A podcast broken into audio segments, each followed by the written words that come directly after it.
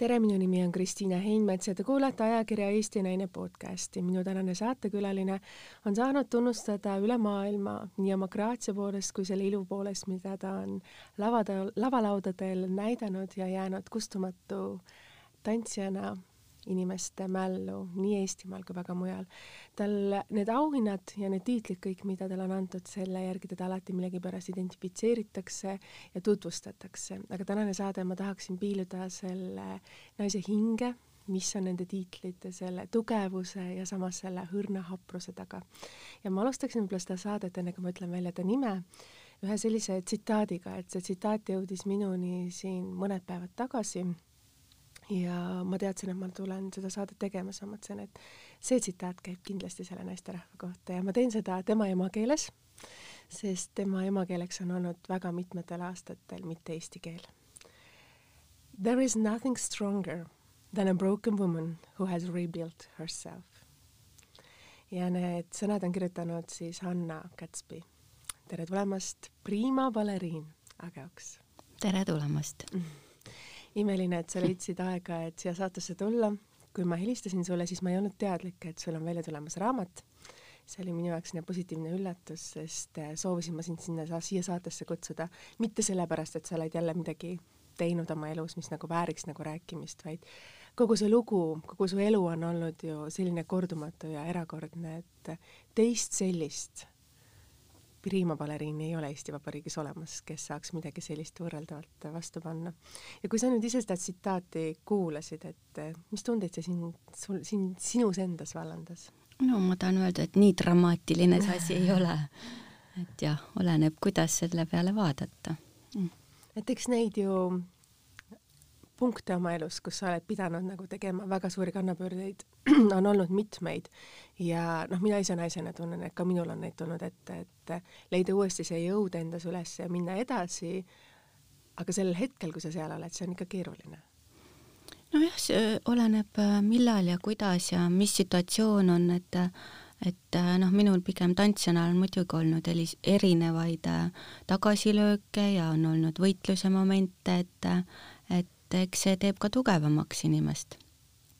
et kindlasti see tugevus on see, millest me siin saates proovime siis eh, see tugevuse, kuidas öelda, juure välja, välja siis, kuidas öelda, leida selle juure, mis on selle tugevuse taga, selle hapra naise keha taga aga alustame siis algusest, alustame peale sinu loost, et sa oled pärit sellisest pisikesest kohast nagu Vändra, sa sattusid kümneaastase tüdrukuna siia Tallinnasse.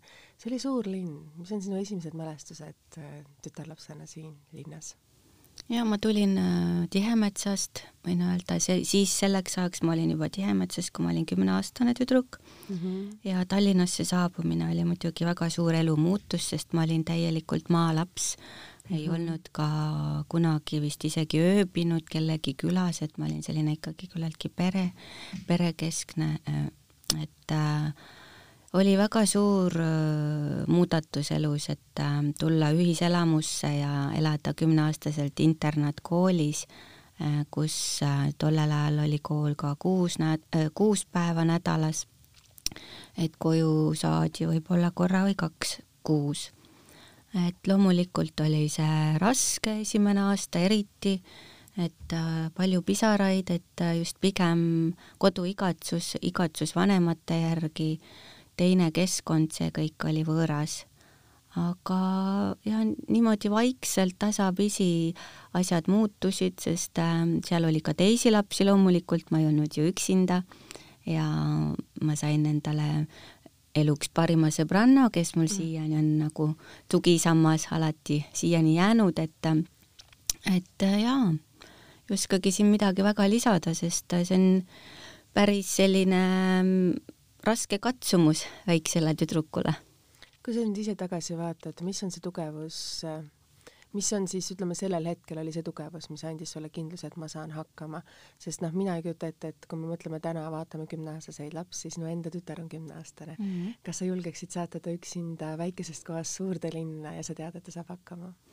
No eks äh, ega me ei teagi, et no mina vist äh, ütlen nüüd ausalt, et ma vist ei julgeks. Ja ma vist ei laseks, aga ajad olid teised ja valikud olid, äh, valikud olid nad nagu olid, et, et tänapäeva lastel on ju palju rohkem valikuid ja aga et see, et mind sinna balletikooli nii-öelda vastu võeti, see oli iseenesest suur au ja ma usun, et seda ka ma hindasin väga ja minu vanemad hindasid seda et see ei olnud kõigile, et see oli ikkagi välja valitud olla, on, on nagu ühest küljest au ja kohustus, et et eks ma selle nimel esialgu lihtsalt püüdsin nagu püsima jääda, aga siis juba mõne aja pärast loomulikult, et äh, inimene harjub, et äh, mul hakkas justkui nagu paremini minema balletis, ma nagu tundsin, et et ma ei ole kõige viletsam mm. ja mul oli sõbrad ja sõbrannad ümberringi, kes kõik olid seal ühe asja nimel ja see oli tants.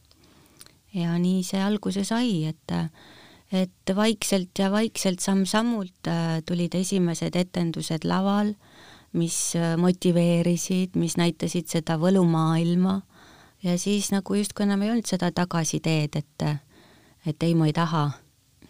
sa hakkasid ju põhimõtteliselt kohe tööle seal kümne, võib-olla mitte kümne, üheteist, kaheteistaastasena osalema ju Estonia laval etendustes. no balletikooli lapsed ja ikka võtavad osa etendustest, et see on üks osa sellest äh, koolist, et äh, loomulikult, et laste rollides näidata ikka balletikooli õpilasi ja, ja niimoodi vaikselt äh, see pisik justkui sisse sai. harjumus olla kakskümmend neli seitse tantsuteenistuses iga päev, nii hommikul ja õhtul lavalaudadel ja vahepeal natukene õppimist, see vist on iga balleti, tavalise balletikooli lapse elu.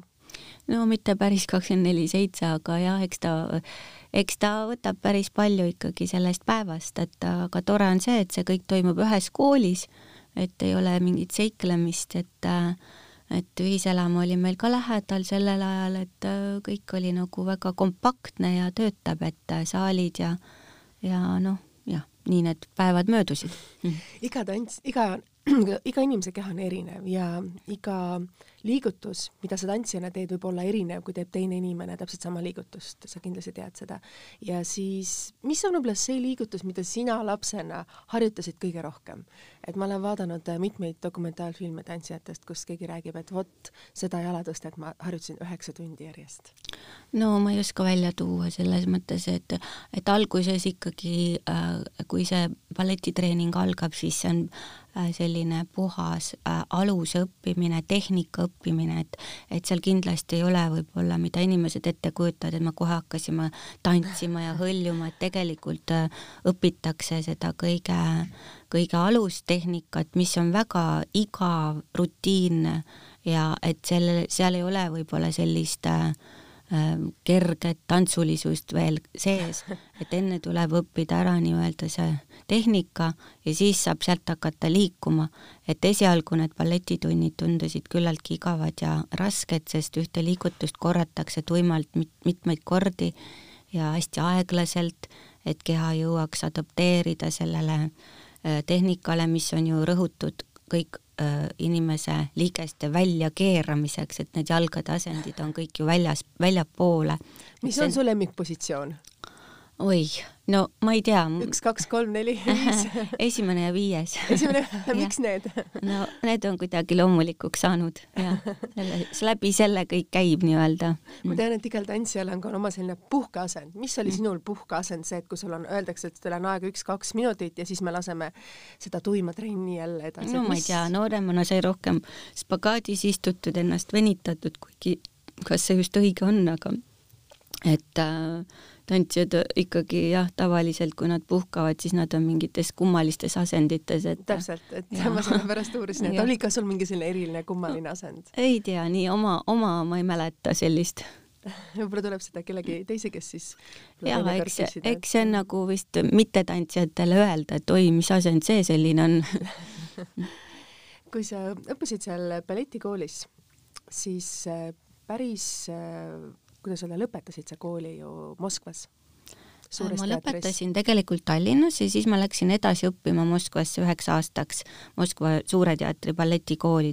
tuli selline võimalus ja minu pedagoog Tiiu Randver arvas, et see on väga hea mõte. ja, ja eks ta oli ka loomulikult, aga see oli küllaltki raske aasta, et, et ma tundsin seal ennast väga üksikuna, sest ma olin siiski justkui nagu välismaalane mind nagu klassis nii omaks ei võetud, et ühiselamus oli küll mul vedas, et et ma sain väga heaks sõbraks ühe Jugoslaavia tüdrukuga, kes, kes justkui päästis selle olukorra seal, et ma ei tundnud ennast nii üksinda. et me olime nagu niimoodi lähedased ja, ja aeg oli raske, sest see oli kaheksakümmend üheksa, et siis mm -hmm. hakkas justkui see Nõukogude Liit lagunema ja ja kogu olukord oli selline, et poodides midagi osta ei saanud ja, ja kõik oli selline hall. Kuidas need balletisussid tollel ajal valmistati, kas neid oli kerge saada või raske saada, sest ma tean, et võistlustantsijana sätiin, sätiinkingad maksid rohkem kui minu ema lasteaiaõpetaja kuupalk. no meil selles mõttes vedas, sest siiski äh, koolid siiski äh, äh, koolis oli see justkui ikkagi kooli poolt olemas, et me saime oma kingad ja sussid, et kui sul oli vaja midagi ekstra äh,, nad vastu ei pidanud seal mingi aja, et neid saadi küll väga harva, aga saadi, et siis oli juba sinu enda muretseda. aga selles suhtes me olime nagu varustatud, et ikkagi vajalikud asjad meile anti. Kuidas sa tundsid ennast nüüd Eestis sattudes sinna Moskvasse, see oli raske aeg, seda sa juba mainisid, et see aasta oli igati keeruline. kuidas sa nagu ise naisena või noore tütarlapsena arenesid seal? no eks oligi, et äh, järsku olid nagu üksi, iseenda eest vastutasid, õnneks oli ka meie koolist oli veel üks Eesti poiss seal, et siis ma temaga sain nagu suhelda, aga ruttu ikkagi tantsijad ju sõp-, sõbrunevad küllaltki ruttu, et et oli ka seal teisi, kellega nagu niimoodi sai suhteid loodud ja ja eks see kasvatas jälle järjekordselt, et et järsku ma olin nagu võõras keskkonnas ja üksinda. Aga mul oli väga-väga sümpaatne pedagoog jällegi, kes justkui võttis mind oma tiiva alla ja ta nagu hindas seda, kuidas ma, mind oli treenitud, et, et ta suhtus minusse väga hästi, et kuigi seal nägi ka seda sellist väga ranget suhtumist ja ja ütleme, isiksuse mahasurumist päris palju, et et selle poolest mul nagu vedas, et ma ei tundnud ennast balletitreeningus sugugi halvasti, et, et seal ma tundsin ennast hästi. Sa rääkisid, et sinusse suhtuti hästi mm., et sinu hinnati seda, kuidas sind oli treenitud. balletis on väga erinevad koolkonnad mis koolkond on Eestis, mis äh, Moskvas on ju vene koolkond, seda peetakse kõige selliseks perfektsuse, kuidas öelda siis, perfektsemaks ja selliseks no. võib-olla vähem emotsionaalsemaks ja kui sa nüüd Londonisse sattusid, seal oli kindlasti segunenud väga rahvusvaheline selline erinevad tantsusstiilid. no kas ta on erinev koolkond, aga ütleme niimoodi, et äh, vene kool, et kõik on üks Vaganova ikkagi, Vaganova alus on, aga mm, -hmm. aga Suure teatri seal ütleme, nende õppimisstiil on natukene, mingid asjad on ikkagi erinevad kui näiteks äh, ütleme Peterburis, aga kokkuvõttes on ikkagi see nagu selline vene süsteem on ju aga läänes on jällegi kuidagi arenenud see veidi läänelikumaks ja seal on omad, omad teistsugused lähenemised, aga tänapäevaks on see siiski väga segunenud, et enam nii, nii hästi seda enam märgata ei ole, on ju.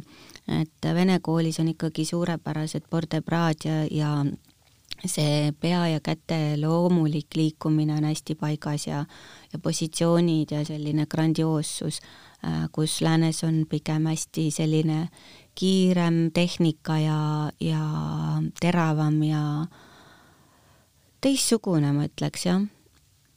kumma tehnika austaja sina oleksid olema, sina olid või oled täna rohkem, et kas see tee, kuhu ballett on täna arenenud, on nagu hea või mitte? on küll, ma arvan, et ongi, et ei ole enam võib-olla nii märgata seda vahet, et et on vene tantsijad on justkui väga palju võtnud läänest seda äh, sellist äh, teistsugust lähenemist ja edasi liikunud, et äh, nende, nende kool on kindlasti äh, nagu arenenud selles suunas, suunas. Läänes ma ei oskagi öelda, et ma ei oska seda nagu võrrelda, et seal kindlasti on mõned mingisugused tehnilised pro-, tehnilised elemendid võib-olla teistsugused kui vene koolis kui sa õppisid seal Moskvas ühe aasta, siis praktiliselt aasta pärast sa sattusid Ameerikasse võistlustele, kuidas selline asi sai toimuda, sündida? et ilmselgelt aastal tuhat üheksasada üheksakümmend minna Ameerikasse, arvestades, kui rasked ajad olid Eestis ja kui kallis oli kas või ainuüksi see lennupilet, et sõita sinna Ameerikasse. kuidas sai see toimuda? no see oli selline nii-öelda meie õpetaja Tiiu Randviru jälle järjekordne algatus, et et temal oli tutvusi läänes, sest ta oli ka töötanud varem läänes, Viinis ja ja mujal, et ähm, tema hea ähm, sõbranna või tuttav, ma täpselt ei teagi, oli Soome ooperi balletiteatri direktor tollel ajal mm. -hmm. ikkagi balletidirektor ja mitte mm -hmm. ooperi.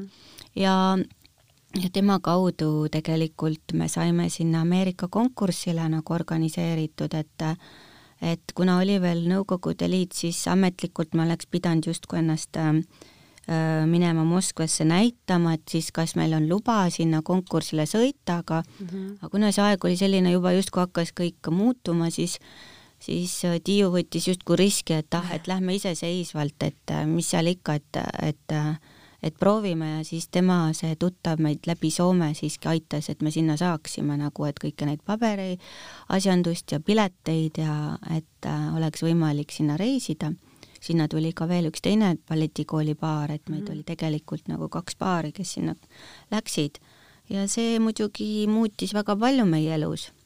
see oli selline järsku, järsku justkui avanesid uksed mis on need uksed, mis eh, üks konkurss võib muuta?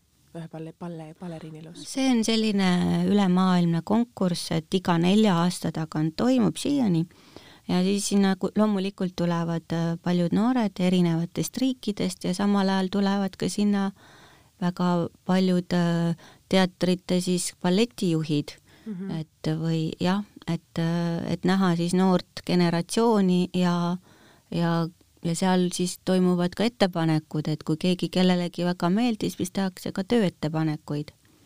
mis on see miski, mis sa arvad, mis võlus ära tollel hetkel siis sinna kokku sõitnud erinevate direktorite ja teie jaoks siis just selle Londoni teatri direktori, et ta teile ettepaneku tegi?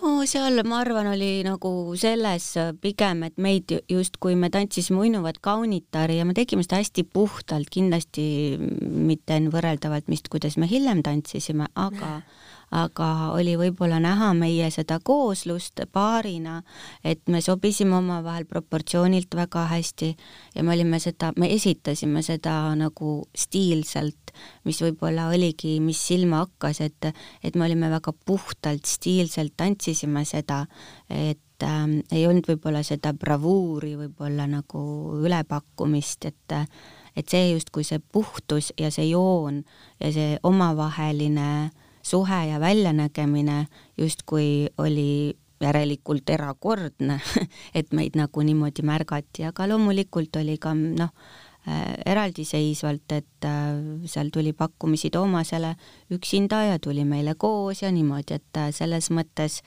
ähm, oli selline eriline aeg, moment kui sa elus. võrdlesid ennast nüüd äh, seal sinna jõudes teiste tantsijatega, sest sa oled mm. ikkagi olnud ju siin Eestis ja Moskvas olid käinud, ega ju mm. tollel ajal ju palju võimalusi ei olnud mujale reisida või kasvõi mujal näha neid dokumentaalfilme asju. et see mm. kindlasti oli sinu kui tantsija jaoks šokk, et kas sul Oligi. oli hirm või kartus, et kas ma nüüd olen hea, kas ma saan hakkama, kas ka selline tunne valdas äh,? väga suur hirm oli tegelikult, sest äh, me ei olnud tõepoolest midagi näinud siit ja sealt kuskilt kellegi varastatud mingid vanad mingid äh, kuidas need on siis salvestused, kellelgi olid kuskilt tõmmatud kuskilt Soome TV-st, ma ei tea, ümber lindistatud, et nagu näha seda lääne tantsu. aga mm -hmm. tegelikult ähm, ei olnud muidugi nagu üldse näinud just teiste koolide õpilasi või lõpetajaid, et ähm, et ma mäletan väga selgelt, et kui me sinna jõudsime, siis meil olid seal proovid iga päev, et etendus või selleks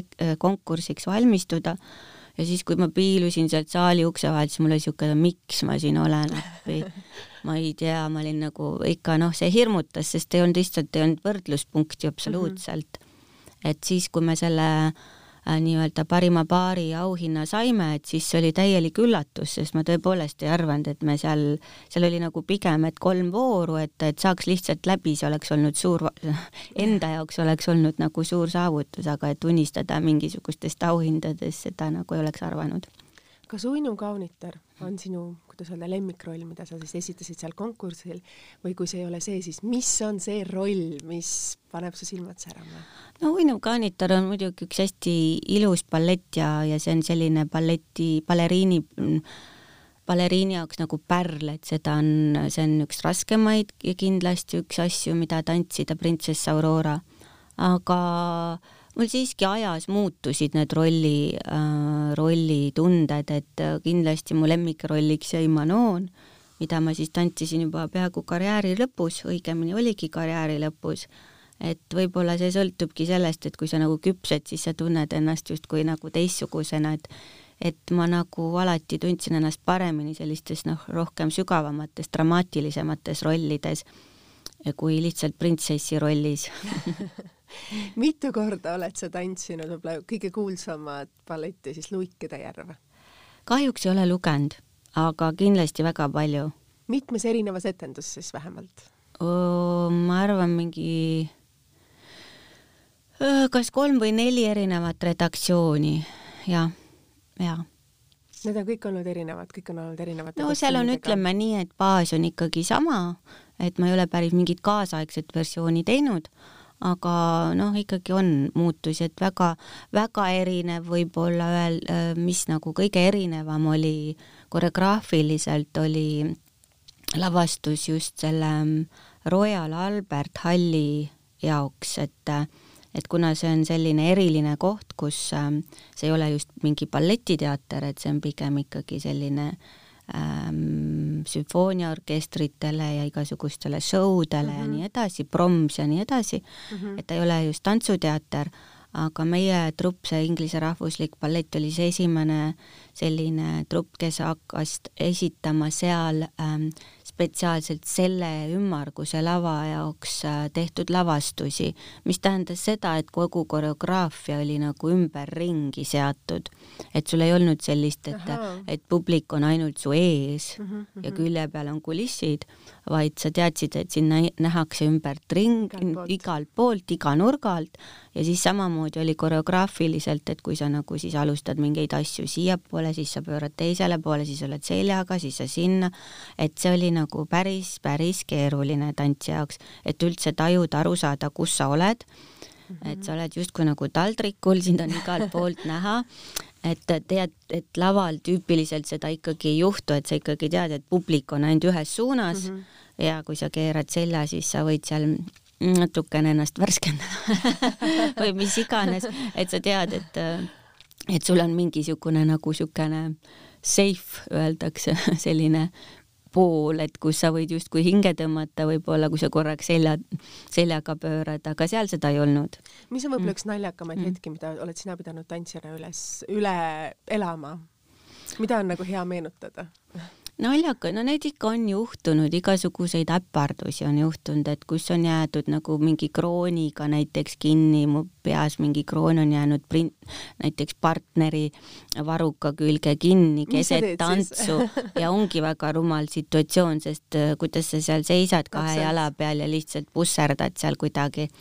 Aga no kuidagi on need olukordadest ikka välja saadud, et on, on libisetud, on kukutud, on on ja igasuguseid üllatusi olnud.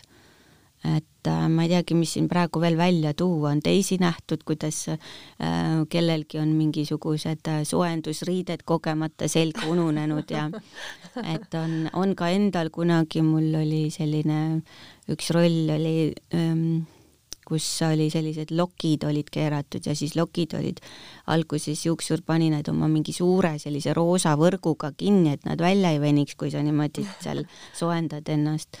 ja loomulikult ma unustasin selle endale pähe, kui ma siis välja jooksin, et no selliseid äpardusi on ikka juhtunud Need lisavad vürtsi siis tegelikult baleriini jaoks? no natuke jaoks. ikka jaa, on ikka kui sa olid see kahekümneaastane noor mm. naine, kui sa sattusid siis sinna Londonisse, et mis oli see särts, mis, mis pani sind seal elama, olukord ju võrreldes Eesti ja Londoniga, need olid kaks väga erinevat maailma täna ja täna on see kuidagi, see vahe ei ole enam nii suur?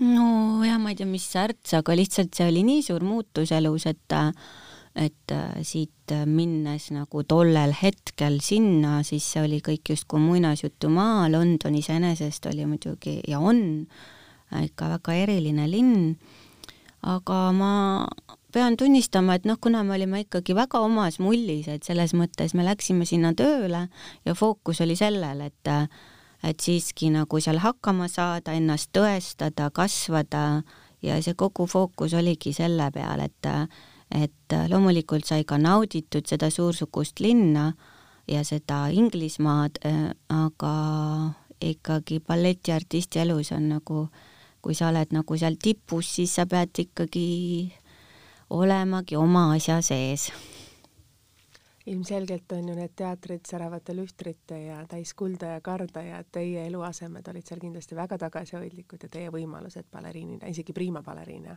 või, või on mul vale arusaam sellest olnud? oleneb, kus, et erinevaid situatsioone on olnud muidugi, kus me oleme tantsinud ka väga kesistes äh, teatrites ja kesistes tingimustes, aga on ka vast, vasta, vastupidiseid, väga grandioosseid ja väga, väga äh, superluks. Selliseid kohti olnud mm.. aga kuidas oli seal nagu ise nagu ära elada või ütleme mm. sellistes ähm, rahalises mõttes, et kui sa oled balletis äh, töötad, et need palgad ju tegelikult ei ole väga suured, et me küll vaatame need ilusad kaunid riided ja kõik see kuld ja sära ja see aplaus, aga tegelikult, kui sa lähed pärast oma sinna Krimmi ruumi, mis ei ole enam see suur lava, mis on see väike pisikene ruumikene, kus sa võtad oma meigi maha, paned oma lihtsad riided selga ja sa oled nagu tavaline inimene, et see tegelikult see töö ja su eraelu vahel on nagu väga suur selline kuidas öelda, kas käärid või selline eri, erinevus? No öö, ütleme nii, et enam ei saa jah, või juba siis ei saanud enam võrrelda balletitähti võib-olla seal jalgpallitähtedega või ütleme mm -hmm. siis ka rokkstaaridega või yeah. et loomulikult neid oli Inglismaal ju selliseid kuulsusi, näiteks nagu Madonna või ükspuha kes või mõni draamanäitleja või filminäitleja, neid inimesi oli väga palju ja muidugi nende staatuses need võib-olla need raha palgad äh, olid tunduvalt suuremad, aga siiski äh, solisti, äh, solisti palgad ei olnud sugugi halvad. et, et selles mõttes me ikkagi elasime paremini kui keskmine inglane. et ma ei saa nagu seda päris öelda, et ja loomulikult staatusega kasvas ka see meie sissetulek, et äh, et päris nii ei olnud, et, et reatantsijatel küll, et seal on nagu omas sellised tasemed, et kõige mm -hmm. esimese aasta ja siis see vaikselt niimoodi ikkagi staažiga koguneb, on ju see, mhm, see, et need, need olukorrad muutuvad. aga jah, et ei, ma ei, nagu ei saa öelda, et ma nüüd oleks seal nüüd virelenud, et et siiski see oli tasustav eriala nagu. sa oled maininud, et sa oled elus pidanud tantsima läbi valu väga palju ja kasutama ka teinekord valuvaigisteid, et sul oli selline krooniline viga, mis andis aeg-ajalt ikka tunda? ja neid oli ikka, neid vigu või nii-öelda traumasid on mul väga palju olnud, et et jaa, ma olen väga palju tantsinud valuvaigistitega, et mingi hetk oli see täiesti tavapärane, et võib-olla aastaid ikkagi.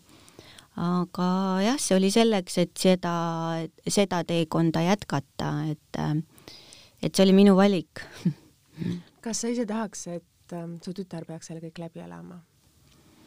oi, ma ei saa nii öelda, et, et, et äh, ma arvan, et äh, ma ei taha nagu võrrelda, sest väga paljudel tantsijatel on noh, kõigil on see erinev, see teekond, et minul lihtsalt oli niimoodi, et võib-olla see füüsis ei olnud kõige või ei olegi mul kõige tugevam selleks erialaks ja siis äh, paratamatult on need kulumised ja traumad suuremad, et et kindlasti ei ole kõik baleriinid sellise probleemiga, et et äh, noh, võib-olla mõnel juhtub karjääri jooksul ainult üks tõsine asi, et mul kuidagi lihtsalt justkui oli niimoodi, et äh, et ma pidin väga tihti võitlema sellega ja siis ühe väga pikaajalise traumaga, mis justkui oli tõesti raske mul selles olukorras nagu püsida ja tõestada ennast ja, ja see kuskilt ei paranenud, et nagu läks peaaegu kaks hooaega, et ennast nagu tagasi vormi saada.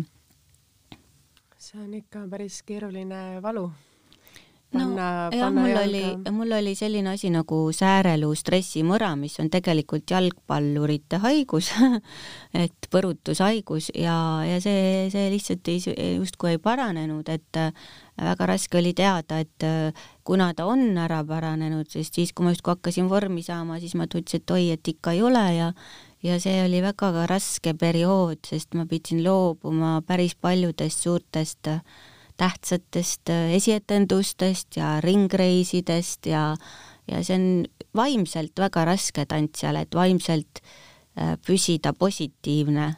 et kui sa näed, et justkui sa jääd nagu kõigest maha ja, ja sa ei tea, et kas sa tegelikult saad ja millal, kuidas sa jõuad ennast tagasi nagu punnitada sinna. mis on see, mis andis sulle tollel hetkel jõudu? et hakkama saada kogu selle valu ja selle emotsionaalse raskusega, sest noh, kui on valus, siis on valus ju ja see king on ei, nii no, pisike. ega väga, mis seal ikka jõudu, et ongi nii, et ega lihtsalt, et mitte alla anda ja loomulikult me olime ka üksteisele toeks, et see andis jõudu, et äh, oli olemas inimene, kes äh, mind toetas ja, ja tahe tantsida, et ikkagi mitte alla anda, et, et äh, nii see läks ja mingi eriline roll jälle, et selle puhul justkui elada. kas võis olla ka see võib-olla väike kuidas öelda, fenomen võib-olla selle tantsija juures, just eriti Inglismaal, et seda võib ju nimetada maailma selliseks tantsukeskuseks, on kindlasti üks no, teater, kuhu kõik, iga tantsija unistaks nagu saada ja loomulikult ja kohtumine kõikide maailma superstaaridega, mis sai teil kindlasti teoksel lava taga Dianaga, kuninganna Elizabethiga, et kas see oli ka see võib-olla üks nendest asjadest, et olla seal laval ei, selle peale ma kunagi ei ole mõelnud, et äh, nagu kelle, et äh, seda ma ei ole kunagi, ma, need asjad on justkui tulnud iseenesest, et, et kellega see ei ole sinu jaoks oluline olnud et...? ei ole, absoluutselt, et äh, et tantsijana sa siiski ei mõtle nagu selle peale, et äh, ma arvan, et ikkagi sa teed seda millegi muu nimel, et need on lihtsalt olnud sellised ekstra boonused ja et äh, see on muidugi tore, et on olnud au ja äh, õnn kohata nii palju väga erilisi inimesi,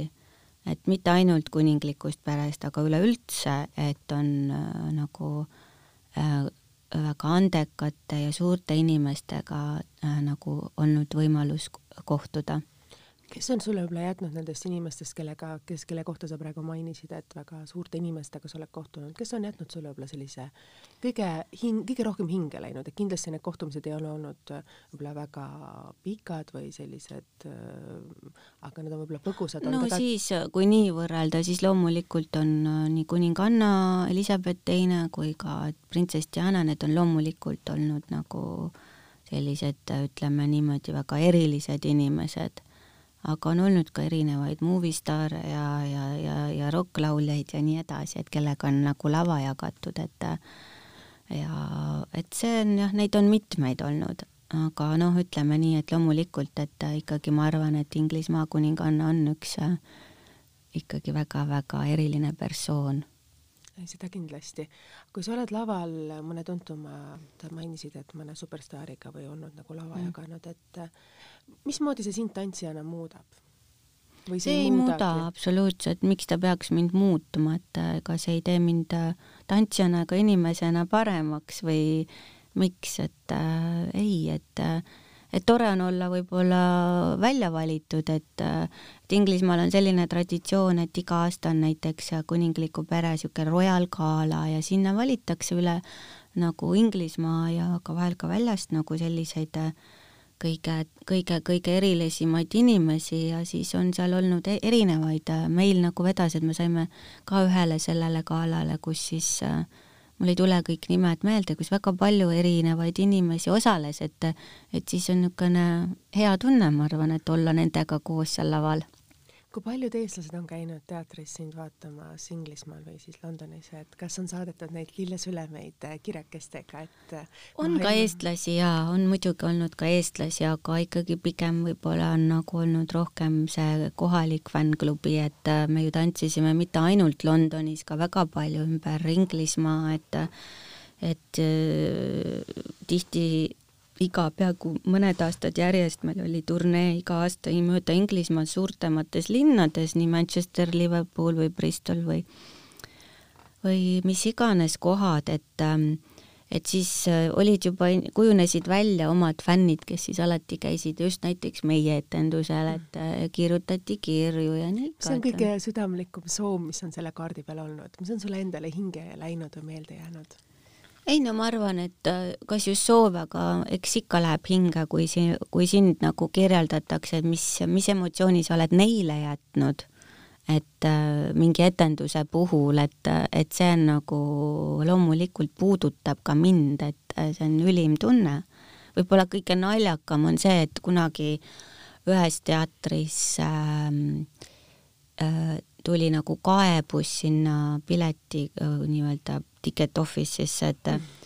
et, et see ei ole nagu, et miks te nagu kirjutate valesti, et, et Age tantsis ainult valget luike, mitte musta ka ja tegelikult minu jaoks on see kompliment, et järelikult ma suutsin nii erinevalt seda teha, et mind ei tuntud ära et, et tegelikult muidugi see on üks sama baleriin on ju kahes rollis, aga et, et, et teda justkui peteti, et see ei olnud, see ei olnud, see must luik ei olnud tema et aga siis ma arvan, et see on väga hea kompliment juba see on siis nagu tunnustus. kui mm, -hmm. kui me jõudsime sellesama rolli juurde mm, -hmm. sellest on tehtud ka ju film, Natalja Portman on mänginud seda.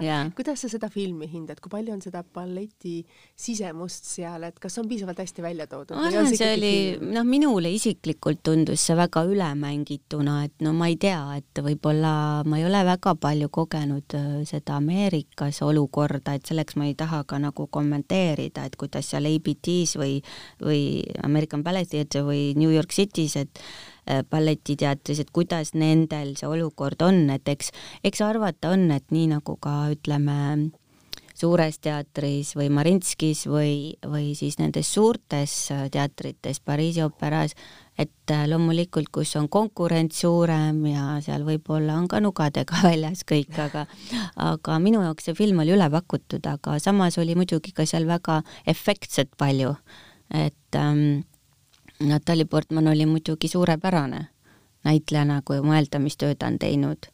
aga isiklikult mulle jah, see, see, selle toon, selle filmi toon mulle väga ei meeldinud. Lähme tagasi siis nende etenduste juurde, et millises teatris on kõige suurem aplaus olnud? oi, ma ei oska seda öelda no ma arvan, et see võis olla Wembley laval siis, kui meil tantsisime selle mälestus, printsess Diana mälestuskontserti jaoks, et kuna see oli lihtsalt kõige suurem publik üldse, kelle jaoks ma olen esinenud. mingi kuuskümmend tuhat inimest? jah, üle kuuekümne kahe või kolm, midagi sellist, jah. kui palju ta, kui palju on sinu vanemad käinud vaatamas sind Londonis? vanemad käisid päris mitmel korral õnneks, et kahjuks mul neid enam ei ole aga et äh, ikkagi neil õnnestus ka Londonis käia korduvalt, et see oli, see oli väga äge. et ähm, ja ka just, et äh, mäletan, kui nad käisid uinuvat kaunitari vaatamas Londonis meil sealsamas Lon- äh,, selles äh, Royal Albert Hallis äh, selline eriline koht sa mainisid, et su vanemad on käinud mitu korda Londonis, siis äh, lapsepõlv on tegelikult, mis määrab väga palju meie tulevikku et on see ju, mida me sealt kaasa võtame, mis jääb meie sisse ja me ei saa sellest üle ega ümber, tahes või tahtmata need tunded tõusevad meile ja langevad meie erinevatel eluperioodidel. mis on võib-olla need sõnad, mida sinu ema on sulle öelnud, mis on sulle võib-olla andnud jõudu või nendel hetkedel, kui sul on olnud raske? Mul ei ole konkreetseid sõnu nagu meeles, et ema oli mul küllaltki emotsionaalne, alati tal tuli nagu rõõmupisarad tulid tal väga kergelt. et, ähm, et ta oli hästi positiivne inimene, et, et mis on nagu mind ennast hiljem nagu väga inspireerinud ja justkui motiveerinud, on just see, et ta oli selline nagu ähm, naine, kes, kellel oli hästi palju energiat ja soojust ja, ja jõudu, et ta nagu sai rasketest olukordadest, tema elu oli küllaltki raske tegelikult, et, et, ähm, et see on mind väga nagu toetanud, aga konkreetselt ähm, ei olnud sellist sõna, aga ma tean, et, et noh, et tema jaoks oli see nii oluline, et ma siiski selle kooli lõpetasin ja, ja sain sinna, kuhu ma lõpuks sain, et jõudsime kuhu ma jõudsin, et, et äh, ta oli üliüliõnnelik selle üle. kas see on mõnes mõttes oma vanemate unistuste täitmine? ongi ema, ema puhul kindlasti, sest tema pärast ma sinna balletikooli läksin, sest see oli tema unistus sa said sellel kevadel ise viiekümne aastaseks ja sinu tütrekene nüüd on kümneaastane. kui sa võrdled nüüd oma ema ja iseennast, et mis on teil siis ühist ja mis on teis võib-olla natuke erinevat? No e, minu ema, ma ütlen kõigepealt erinevust, et mu ema oli kindlasti tunduvalt sellisem äh, positiivsem, et ma vahel kipun olema pessimistlik asjade suhtes aga, aga võib-olla see selline tahtejõud on meil ühesugune et, ähm, et justkui mitte alla anda väga kergelt.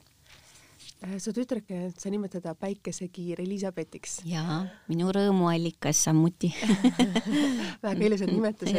et milline ema sa tahad oma tütrele olla? kui tütar, tütar peaks kunagi sinust midagi rääkima, mis on need omadused, mida sa loodad sa talle edasi andnud? ma arvangi, et positiivne ellusuhtumine ja, ja kannatlikkus ja oma unistuste täideviimine sinul on need õnnestunud ja mõnes mõttes ju see raamat, no minu jaoks on endale, kui ma peaksin saama viiskümmend, et siis minu enda jaoks tundub, et see on nagu mingisugune punkt elus, kus oleks aeg nagu vaadata tagasi, et mis on olnud siis head, mis on siis olnud halba. et ka sina oled ju mõnes mõttes nii oma südamlikkuse, oma headuse ja ka võib-olla sellised rasked hetked ja valu pannud võib-olla sinna raamatukaante vahele, mis nüüd ilmus, kas seda võib nii nimetada? no kas just nii jah, valu või midagi, aga ta on selline nagu mõtisklus pigem, tagasivaade, seda küll jaa, et justkui see jah, see nagu lapsepõlve maastikust edasi liikumine ja kuhu siis siiani on jõutud. mis on võib-olla see, mis sinu jaoks oli oluline, et selles raamatus kindlasti oleks sees? No äh, oligi see, et ma tegelikult ei soovinud üldse mingisugust autobiograafiat, et oluline oligi, et ma tahtsin teistsugust raamatut ja kui minu äh, tuttav sõbranna Maris Kerge selle idee justkui välja käis, et et mis sa arvad, et äh, minu arust oleks nagu äge, et varsti saad, äh, varsti on see tähtis sünnipäev lähi, lähenemas, et, et et justkui mitte seda just tähistada, aga et võiks nagu mingisuguse asja maha jätta ja ja, ja mulle mõte meeldis, aga ma ei, ei tunne nagu, ei tundnud seda, et ma tahan äh, mingisugust elulugu justkui kirjutada ja siis me seal viskasime ideid õhku ja siis oligi see, et nagu kuidagi teha seda erilisemaks, et nagu kasutada ära nagu mingisugust kooslust, nagu tuli see mõte, et võiks olla järsku poetess või äh, et äh, ja kasutada just pigem nagu pildimaterjali, et, et see räägiks nagu oma loo iseseisvalt. ja, ja siis mul kohe tuli, et oi, et issand, kui äge oleks, kui saaks Doris, Doris Kareva käest küsida, et mis ta, kas ta oleks nõus, et tegelikult ma nagu oli täitsa aukartus tema vastu, et ta on nii eriline ähm, poetess, et ma ei teadnud, et ta et kas ta nagu ütleb jaa või ei või mis ja, ja siis see oli nagu selline üllatus, kui ta oligi nõus et see on ju tegelikult siis ongi oma hinge panemine selleks raamatuks, sellisena sa, nagu sa ise tundsid, on sinu elu olnud. jaa, mul väga vedas, et, et kogu see nii-öelda naiskond, et oli selline eriline, et samuti Stiina Kase, et et, et see idee oli nagu, et pildistada läbi nende las-, lapsepõlve ja erinevate maastike ja ja samas ma olin juba ka sellises vanuses, et ega ma enam nagu, ma ütlesin, ma teeks mingit tantsufotot, ma väga sooviks liikumise pealt, aga noh, ma ei olnud kümme aastat enam varvaskingi jalga pannud, et et ütlesin, et aga proovime midagi, et, et saada pigem just selle nagu tunde, selle feeling'u, et mitte just et kedagi nagu impressida selle poosi või millegiga, et neid ilusaid pilte on väga ilusaid, on väga palju, aga just, et seda tunnetust nagu saada, mis on nagu, mis olen mina. ja, ja rääkida läbi selle nagu lugu, minu lugu. et see kooslus oli äh, selline väga tore ja inspireeriv ja ka minu kujundaja, see Kaire van den Doorn oli lihtsalt on uskumatu, et ta suutis seda kuidagi niimoodi presenteerida ütlesid nii, sa ütlesid nii ilusti, et mul on täna hääl ära, vabandan, et sa ütlesid nii ilusti, et sa tahtsid rääkida oma lugu, aga sinu loo kirjutamisel selle viiekümne aasta jooksul on olnud ka selline sinu kui naise jaoks väga raske hetk tegelikult. et mina olles sinuga ainult põgusalt mõned korrad nagu kohtunud, kui mina lugesin teatud detailidest ja asjadest, ma mõtlesin, et kuidas on võimalik, et su elus on nii suur armastus. Kogu su elu on üles ehitatud ainult ühele vundamendile, ühele sellele suurele armastusele ja seesama armastus mingil hetkel keerab sulle selliselt nii järsku selja. Ja sa oled siis mingil hetkel selles augus, et sa pead alustama kõike üksinda uuesti. Et kuidas sa nagu täna vaatad nüüd tagasi, kus aeg on edasi läinud ja kindlasti need paljud haavad on paranenud ja palju on andeks antud ja palju on võib-olla ka ise andeks palutud, et kuidas sa täna vaatad, et mis oli see energia või see jõud, mis suutis anda sulle selle jõu, et sa uuesti selja sirgu suutsid ajada? no kindlasti Elizabeth oli see minu päästerõngas tol hetkel, kui justkui kõik nagu kokku varises et äh, tema oli see, mille pärast mul justkui oli põhjus äh, ennast kuidagi nagu üles upitada ja sellest olukorrast äh, üle saada. kaua sul läks selleks tegelikult, et see olukord, kui mina naisena lugesin, siis see, see oli nagu kõige hullemas vaenlase poolt, et ma ei tea mm., isegi oma vaenlasele sa midagi sellist ei sooviks, aga kui inimene, kes on su eluarmastus, teeb seda, siis see on midagi väga äh, ei no me ütleme niimoodi, et äh, eks see on, on raske moment, aga ma ei hakka nüüd ütlema, et mina olen ainuke, et kindlasti on ju väga palju naisi ja inimesi, kes on lahku läinud, et ma arvan, et see ei olnud midagi nagu erakordset, et, et see minuga nüüd juhtus, et et seda inimesed, seda juhtub palju ja, ja ja müts maha, kui on raske. nagu inimesed suudavad seda nagu väga, väga inimlikult teha ja, ja korraldada, et, et minnakse justkui niimoodi hästi lahku.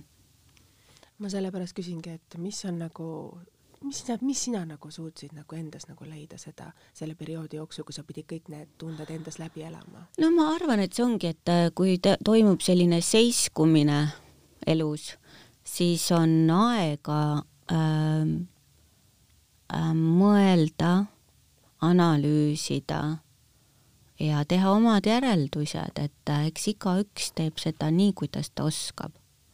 kas et... võib öelda, et ka see raamat on siis võib-olla sinu nende analüüside ja mõtete tulem? No mitte päris, raamat ei ole siiski nagu sellest, on ju, raamat on pigem täna see, kes, kes, kelleks oled saanud. no ja seda võib-olla küll jah. sellel et, momendil ja. on olnud ka võib-olla mingisugune mm. roll ju sellel. seda küll jah, seda ka kindlasti jah. et selles suhtes ma tahan olla see, kes ma olen. ei no ma arvan, et eks äh, küpsemisega me muutume ajas, me ikkagi muutume ja, ja, ja kui on aega, siis on ka äh, siis, äh, siis on aega mõelda et kui me oleme selles virr ja varris, siis me väga mm -hmm. tihti lähme autopiloodi peale ja teeme ja me kiirustame ja, ja lihtsalt kuidagi kõik muutub rutiinseks ja nii nagu väga paljudel toimubki läbipõlemine.